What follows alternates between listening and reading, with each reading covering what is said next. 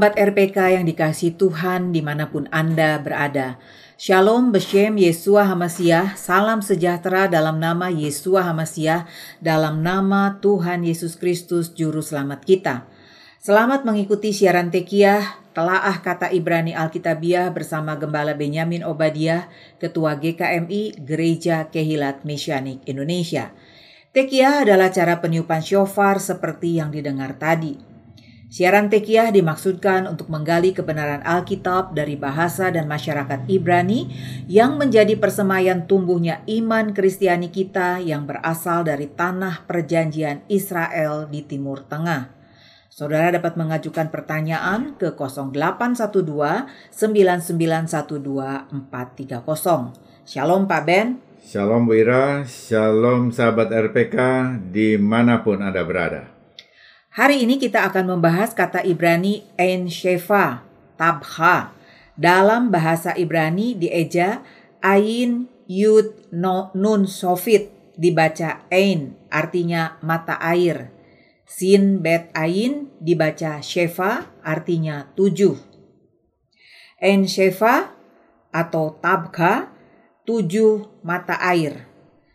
Markus 1 ayat 16 sampai 17.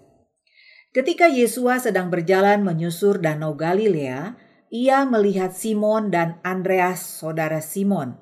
Mereka sedang menebarkan jala di danau sebab mereka penjala ikan. Yesua berkata kepada mereka, "Mari, ikutlah aku, dan kamu akan kujadikan penjala manusia." Ini berbicara bagaimana Yesua memanggil murid-murid yang pertama untuk mengikuti dia seorang rabi muda yang baru memulai pelayanan publiknya, masih segar melalui pencobaan yang tidak ringan di padang gurun Yodea, dan dengan bersemangat mulai membagikan kabar baik, besorah atau Injil kepada dunia yang terluka. Wilayah Danau Galilea sungguh indah. Bila saudara mengunjunginya hari ini, Anda akan merasakan seolah-olah seluruh lanskap tidak berubah sejak 20 abad yang lalu Kota Tiberias di pantai barat laut adalah satu-satunya tempat yang berkembang dengan hotel-hotel menawan, restoran, dan jalan setapak kayu yang memungkinkan wisatawan untuk membeli tiket naik perahu ke danau yang terkenal di mana Yeshua memenang, menenangkan badai dan berjalan di tepi danau. Tidak ada gedung perkantoran atau perumahan bertingkat tinggi di sana yang membuat kita bersyukur tentunya karena memudahkan kita untuk membayangkan kawasan ini 2000 tahun yang lalu ketika Yesua berjalan di sana. Di tepi danau laut Galilea terdapat sebuah kapel Katolik yang indah yang disebut Gereja Primat Petrus, Primasi of Peter di Tabga. Tabga merupakan kependekan dari Al-Tabiga dalam bahasa Arab Mengapa nama tempat di Danau Galilea Israel berasal dari bahasa Arab? Bukankah seharusnya memiliki nama lokal Ibrani? Benar, nama Ibraninya Ein Sefa, yang artinya tujuh mata air. Dengan arti yang sama, orang Yunani menyebutnya Heptapegon, yang kemudian disingkat menjadi Tapego selama masa pendidikan Khalifah Arabia di Israel. Penyesuaian dengan bahasa Arab menghasilkan lafal tabga yang lebih populer dari Ensefa, bahkan sampai sekarang. Hal ini tak dapat dihindari karena Israel bolak-balik diduduki oleh bangsa-bangsa seperti Yunani, Romawi, dan Arab. Yesua melakukan dua bahkan tiga mujizat besar dekat tujuh mata air alami yang berada di dalam Danau Galilea. Ia memberi makan 5.000 orang yang menyisakan 12 bakul penuh. Matius 14 dan Yohanes 6. Menandai peristiwa ini, sebuah kapel didirikan tahun 1933 yang disebut Gereja Penggadaan Roti dan Ikan dengan lantai mosaik yang indah dan terpelihara dengan baik. Ensefa, tujuh mata air alami ini, juga merupakan lokasi tradisional yang menandai tempat Yesua memanggil murid-muridnya setelah ia melakukan mujizat di hadapan mereka. Injil mencatat peristiwa ini dalam Lukas 5 ayat 1 sampai 11. Pada suatu kali, Yesua berdiri di pantai Danau Genesaret, sedang orang banyak mengerumuni dia hendak mendengarkan firman Elohim. Ia melihat perahu di tepi pantai. Nelayan-nelayannya telah turun dan sedang membasuh jalannya. Ia naik ke dalam salah satu perahu itu, yaitu perahu Simon, dan menyuruh dia supaya menolakkan perahunya sedikit jauh dari pantai. Lalu ia duduk dan mengajar orang banyak dari atas perahu. Setelah selesai berbicara, ia berkata kepada Simon, "Bertolaklah ke tempat yang dalam dan tebarkanlah jalamu untuk menangkap ikan." Simon menjawab, "Guru, telah sepanjang malam kami bekerja keras dan kami tidak menangkap apa-apa. Tetapi karena engkau menyuruhnya, aku akan menebarkan jala juga. Dan setelah mereka melakukannya, mereka menangkap sejumlah besar ikan sehingga jala mereka mulai koyak. Lalu mereka memberi isyarat kepada teman-temannya di perahu yang lain supaya mereka datang membantunya. Dan mereka itu datang. Lalu mereka bersama-sama mengisi kedua perahu itu dengan ikan hingga hampir tenggelam. Ketika Simon Kefa melihat hal itu, ia pun tersungkur di depan Yesua dan berkata, "Junjungan, pergilah daripadaku, karena aku ini seorang berdosa."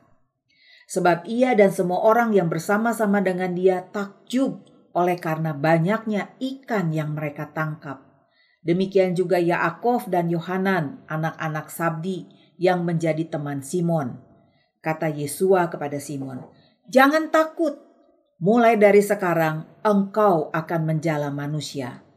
Dan sesudah mereka menghela perahu-perahunya ke darat, mereka pun meninggalkan segala sesuatu lalu mengikut Yesua. Para ahli percaya bahwa pada lokasi Enshefa peristiwa ini terjadi. Alasan mereka sesungguhnya sangat ilmiah. Di lokasi ini terdapat tujuh mata air tawar yang mengalir secara terpisah di dalam Danau Galilea. Menurut para rabi, angka tujuh dalam bahasa Ibrani melambangkan kelengkapan dan kesempurnaan. Ini muncul 735 kali dalam Alkitab. Angka tujuh merujuk pada proses penciptaan dunia yang berakhir pada hari ketujuh. Ada tujuh hari raya tahunan yang disebut Muadim dalam kalender Ibrani. Yesua juga melakukan tujuh mujizat pada hari Syabat seperti yang tercatat dalam keempat Injil tujuh mata air yang menyemburkan tujuh aliran air yang kuat di dalam danau diyakini mengakibatkan ikan-ikan tertarik ke bagian danau ini. Dan karena itu di situ banyak ikan berkumpul. Maka pada gilirannya, para nelayan pun datang ke situ untuk menangkapnya. Lokasi ini terlihat seperti pantai yang tenang seperti di bagian lainnya karena tujuh aliran air hidup itu ada di dalam danau, di bawah permukaan. Inilah tempat yang optimal bagi guru untuk bertemu dengan murid, bagi rabi untuk bertemu dengan talmidim, dan bagi sang firman Tuhan untuk berjumpa manusia, umatnya. Ya, di sinilah pertama kalinya Yesua berjumpa dengan Simon Petrus dan teman-teman nelayannya. Kemudian sesudah Yesua mati di salib, para murid merasa kehilangan arah dan merasakan kekosongan. Keadaan ini mendorong mereka untuk kembali ke pekerjaan mereka yang lama, yaitu menangkap ikan. Kembali ke habitat lama mereka dan lokasi favorit yang paling menjanjikan tangkapan ikan adalah Ein Shefa, Tabga. Menarik Bagaimana kelanjutannya? Dalam Yohanes 21, setelah kematian dan kebangkitan Yesua, para murid kembali ke tempat yang sama En Shefa, lokasi Simon dan beberapa murid lain yang pertama kali dipanggil oleh junjungan untuk menjadi penjala manusia. Sesudah kebangkitan, saat mereka sedang berada di sana, Yesua menampakkan diri kepada mereka dan memberi penugasan kembali kepada Simon Kefa untuk mengembalakan orang-orang percaya. Momen perjumpaan Yesua dan para murid di Enshefa merupakan permulaan baru bagi pelayanan para murid sesudah kebangkitan Yesua. dimulai di tempat yang sama dengan tempat mereka dipanggil pertama kalinya di tepi Danau Galilea. Setelah memancing sepanjang malam, Petrus dan beberapa murid tidak berhasil menangkap apa-apa. Bagaimana mungkin para para nelayan berpengalaman ini tidak menangkap apa-apa? Menurut Rabi Mesianik Jason Sobel, jawabannya dapat ditemukan dalam kata ikan dalam bahasa Ibrani. Dalam bahasa Ibrani, ikan adalah dak, dalet, alef, gimel yang mempunyai nilai numerik yang sama dengan istilah Ibrani yang menunjukkan kecemasan, kekhawatiran, dan ketakutan. Para murid, terutama Petrus, sedang menjala ikan dalam kekhawatiran, ketakutan, dan kecemasan. Mereka tidak hanya takut pihak berwenang untuk melakukan apa yang telah mereka mereka lakukan terhadap Yesua, tetapi mereka juga khawatir tentang masa depan mereka. Meskipun mereka merupakan lingkaran dalam murid-murid Yesua, mereka telah melarikan diri dan bersembunyi di saat-saat paling dibutuhkan oleh Yesua. Hanya Yohanes yang tidak meninggalkan dia. Pastinya mereka merasa telah mengecewakan junjungan dan mempertanyakan peran mereka sendiri sebagai pemimpin.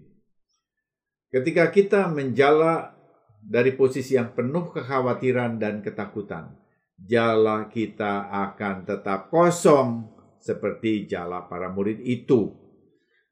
Segala kegiatan yang dilakukan dalam kekhawatiran dan ketakutan bukanlah berdasarkan iman, dan karena itu tidak akan menghasilkan. Yohanes menulis, dan inilah kemenangan yang mengalahkan dunia, iman kita. 1 Yohanes pasal 5 ayat 4.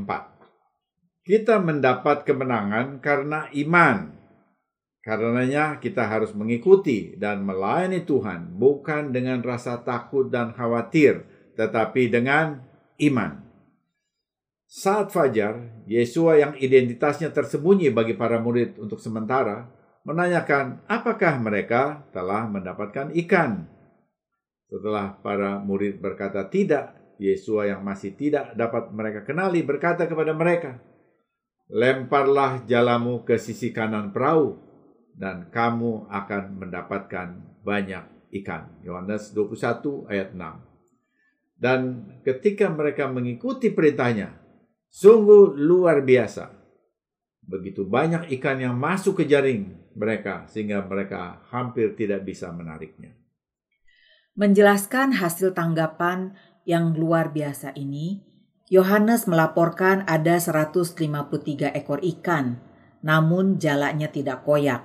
Yohanes 21 ayat 11. Apa makna jumlah 153 ekor ikan ini?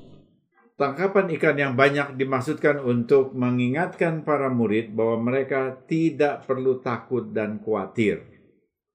Setiap detail dalam Alkitab ada alasannya. Karena firman Tuhan tidak pernah sia-sia. Bahkan sering kali kebenaran yang lebih dalam ditemukan di dalam detailnya. Salah satu detail yang menarik dalam perikop ini adalah tangkapan ikan yang berjumlah 153. Benar. Apa makna angka 153 ini? Pertama, 153 adalah nilai numerik dalam kalimat Ibrani Ani Adonai Eloheka. Yesaya 43 ayat 3. Yang artinya, Akulah Adonai Elohimu. Jadi angka 153 dalam Yohanes 21 ayat 11 mengumandangkan kembali pengakuan Petrus di daerah Kaisaria sebelum Yesua disalib dengan mengatakan Ata Masia ben Elohim Hayim. Engkaulah Mesias, anak Elohim yang hidup. Pengakuan mendasar yang di atasnya jemaat Yesua dibangun. Matius 16 ayat 16 sampai 18. Kedua, perlu ditambahkan bahwa angka 153 juga merujuk pada nilai gematria dari Ani Elohim yang berarti akulah Elohim yang berkaitan dengan pengakuan Thomas ketika ia memegang bekas luka Yesua dengan berkata Adoni ve Elohai yang artinya junjunganku dan Elohimku. Yohanes 20 ayat 28. Melalui mujizat tangkapan ikan 153 ekor dalam tingkat sod atau rahasia, Yesua mengakui bahwa ia adalah Elohim. Luar biasa. Di medsos ada yang menantang di mana Yesua mengatakan akulah Tuhan dalam Injil. Ya, mereka hanyalah membaca dangkal dalam tingkat hurufiah belaka. Belum berada pada tingkat penyingkapan rahasia rohani Berikan kebenaran makna gematria 153 kepada mereka. Cara termudah tentunya adalah dengan membagikan link YouTube siaran Tekia.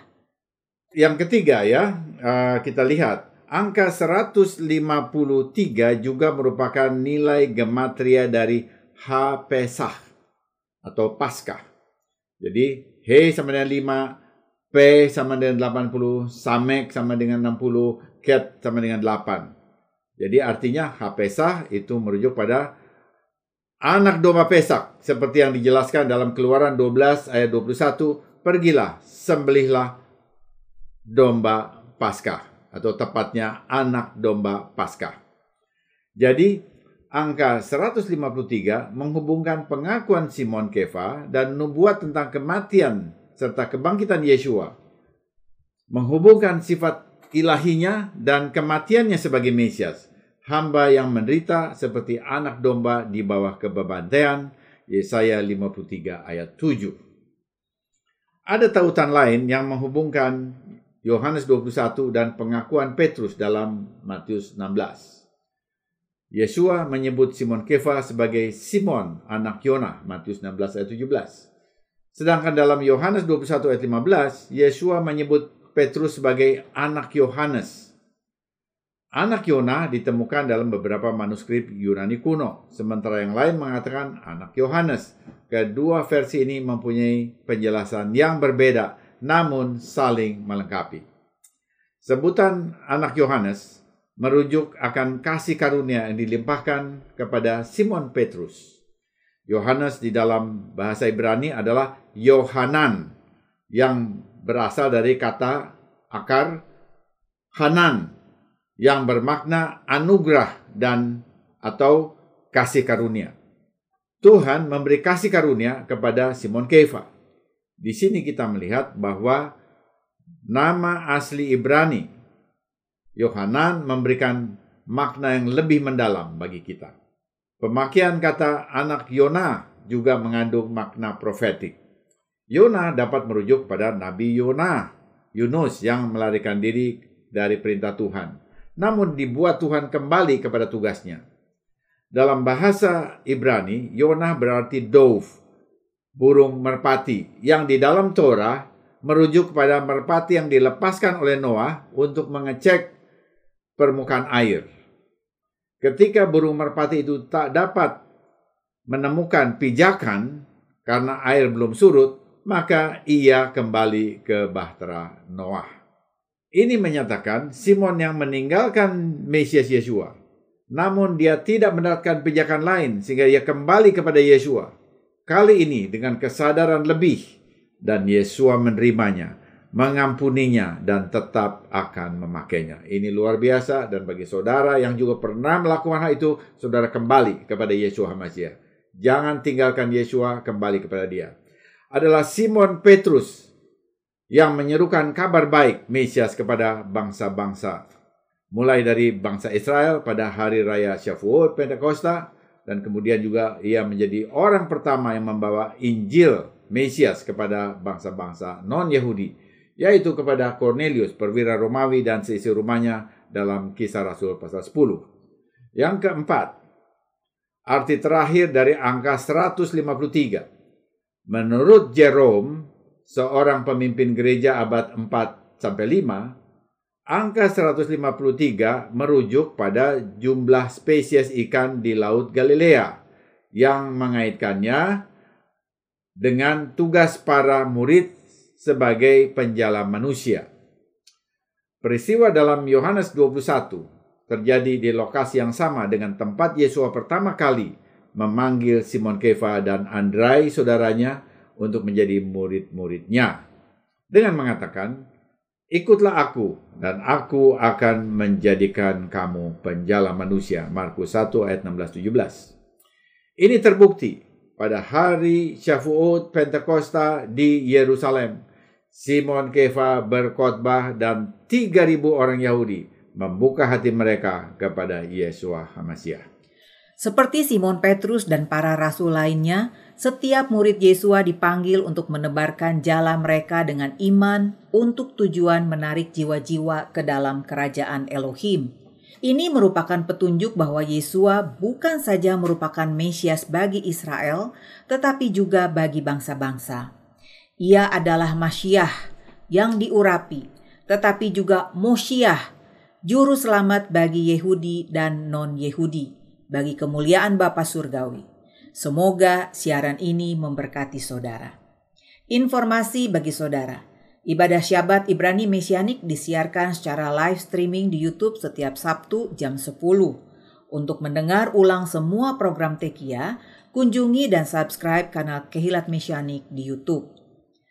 Sahabat RPK, Pendeta Benyamin Obadiah akan memimpin rombongan siarah 9 hari ke Israel tanggal 6 sampai 14 November 2022. Pak Ben, apakah rombongan ini akan singgah juga di Tabga? Ya, sudah direncanakan. Tabga berada di tepi Danau Galilea di garis pantai yang indah. Lokasi ini mulai diperhitungkan sebagai lokasi tradisional pada tahun 385 Masehi. Sesudah seorang pesiarah bernama Aetheria menyebutkan bahwa batu tempat junjungan meletakkan roti dibuat menjadi sebuah altar. Selanjutnya, sebuah gereja kecil dan indah dibangun oleh kaum Fransiskan pada tahun 1934 di situs ini. Tabga terkenal karena penggandaan roti dan ikan oleh Yeshua. Lokasi ini juga disebut Mensa Petrus, Latin, keutamaan Petrus, yang merujuk pada perintah Yesus kepada Simon Petrus untuk mengembalakan domba-dombanya sesudah kebangkitannya. Di sini juga Yesua menampakkan diri kepada para murid dengan membuat mujizat 153 ekor ikan yang mengandung sandi rahasia, suatu tempat yang perlu dikunjungi. Pada program berikutnya, kita akan membahas tempat-tempat lain yang akan dikunjungi oleh rombongan ini ke Eretz Israel, tanah perjanjian bagi umat Yahudi. Sahabat RPK, ini suatu kesempatan untuk bersiarah bersama dengan Gembala Benyamin Obadiah, pengasuh Tekiah, telaah kata Ibrani Alkitabiah, yang akan menjelaskan situs-situs yang dikunjungi secara lebih lengkap. Situs-situs yang dikunjungi dirancang bagi yang sudah beberapa kali ke Israel, namun tetap memasukkan situs-situs basic bagi yang pertama kali ke Israel. Rombongan ini akan mengekspos kitab suci Israel dan tanah Israel serta umat Israel dengan memberi kesempatan untuk berdialog dengan penduduk asli Yehudi, pewaris tanah perjanjian. Ada kesempatan untuk berdialog tentang orang Yehudi percaya abad pertama, dengan seorang arkeolog Yehudi yang akan memperkaya pemahaman rombongan ini, sesuatu yang biasanya dilewatkan oleh rombongan lain. Untuk kenyamanan, Christmas Sindo Travel Tour menyediakan hotel bintang 4 selama di Israel. Kita juga akan melakukan city tour dan bermalam di Dubai, kota modern yang menandai era baru dunia Arab. Bagaimana mendapat rincian rencana perjalanan yang lengkap? Kunjungi situs Kehilat Mesianik di YouTube atau kirim WA pertanyaan saudara ke 0812 9912 430. Sekali lagi 0812 9912 430. Saya percaya sahabat RPK akan mendapatkan perjalanan siarah yang menginspirasi dan luar biasa. Sesudah narasi ini kita akan mendengar lagu rohani Fishers of Men oleh paduan suara Christian Edition, Penjala Manusia. Kamu akan kujadikan penjala manusia jika engkau mengikut aku. Ini ajakan Yesua kepada kita semua. Yesua juga berkata, jika engkau datang kepadaku, aku akan memberi perhentian kepadamu. Selanjutnya bagaimana? Yesua akan menjadikan kita penjala manusia saat kita mengikut Dia. Benar, ini respon kita kepada Yesus Hamasiah. Aku akan menjadi penjala manusia saat aku mengikut engkau. Amin. Tiba saatnya saya penatua Ira Obadia dan Gembala Benyamin Obadia mohon diri dari ruang dengar saudara. Sampai jumpa pada siaran mendatang. Yesua keselamatanku, Torah kesukaanku, menuju kepenuhan bangsa-bangsa. Shalom, shalom. I will make you fishers of men, fishers of men,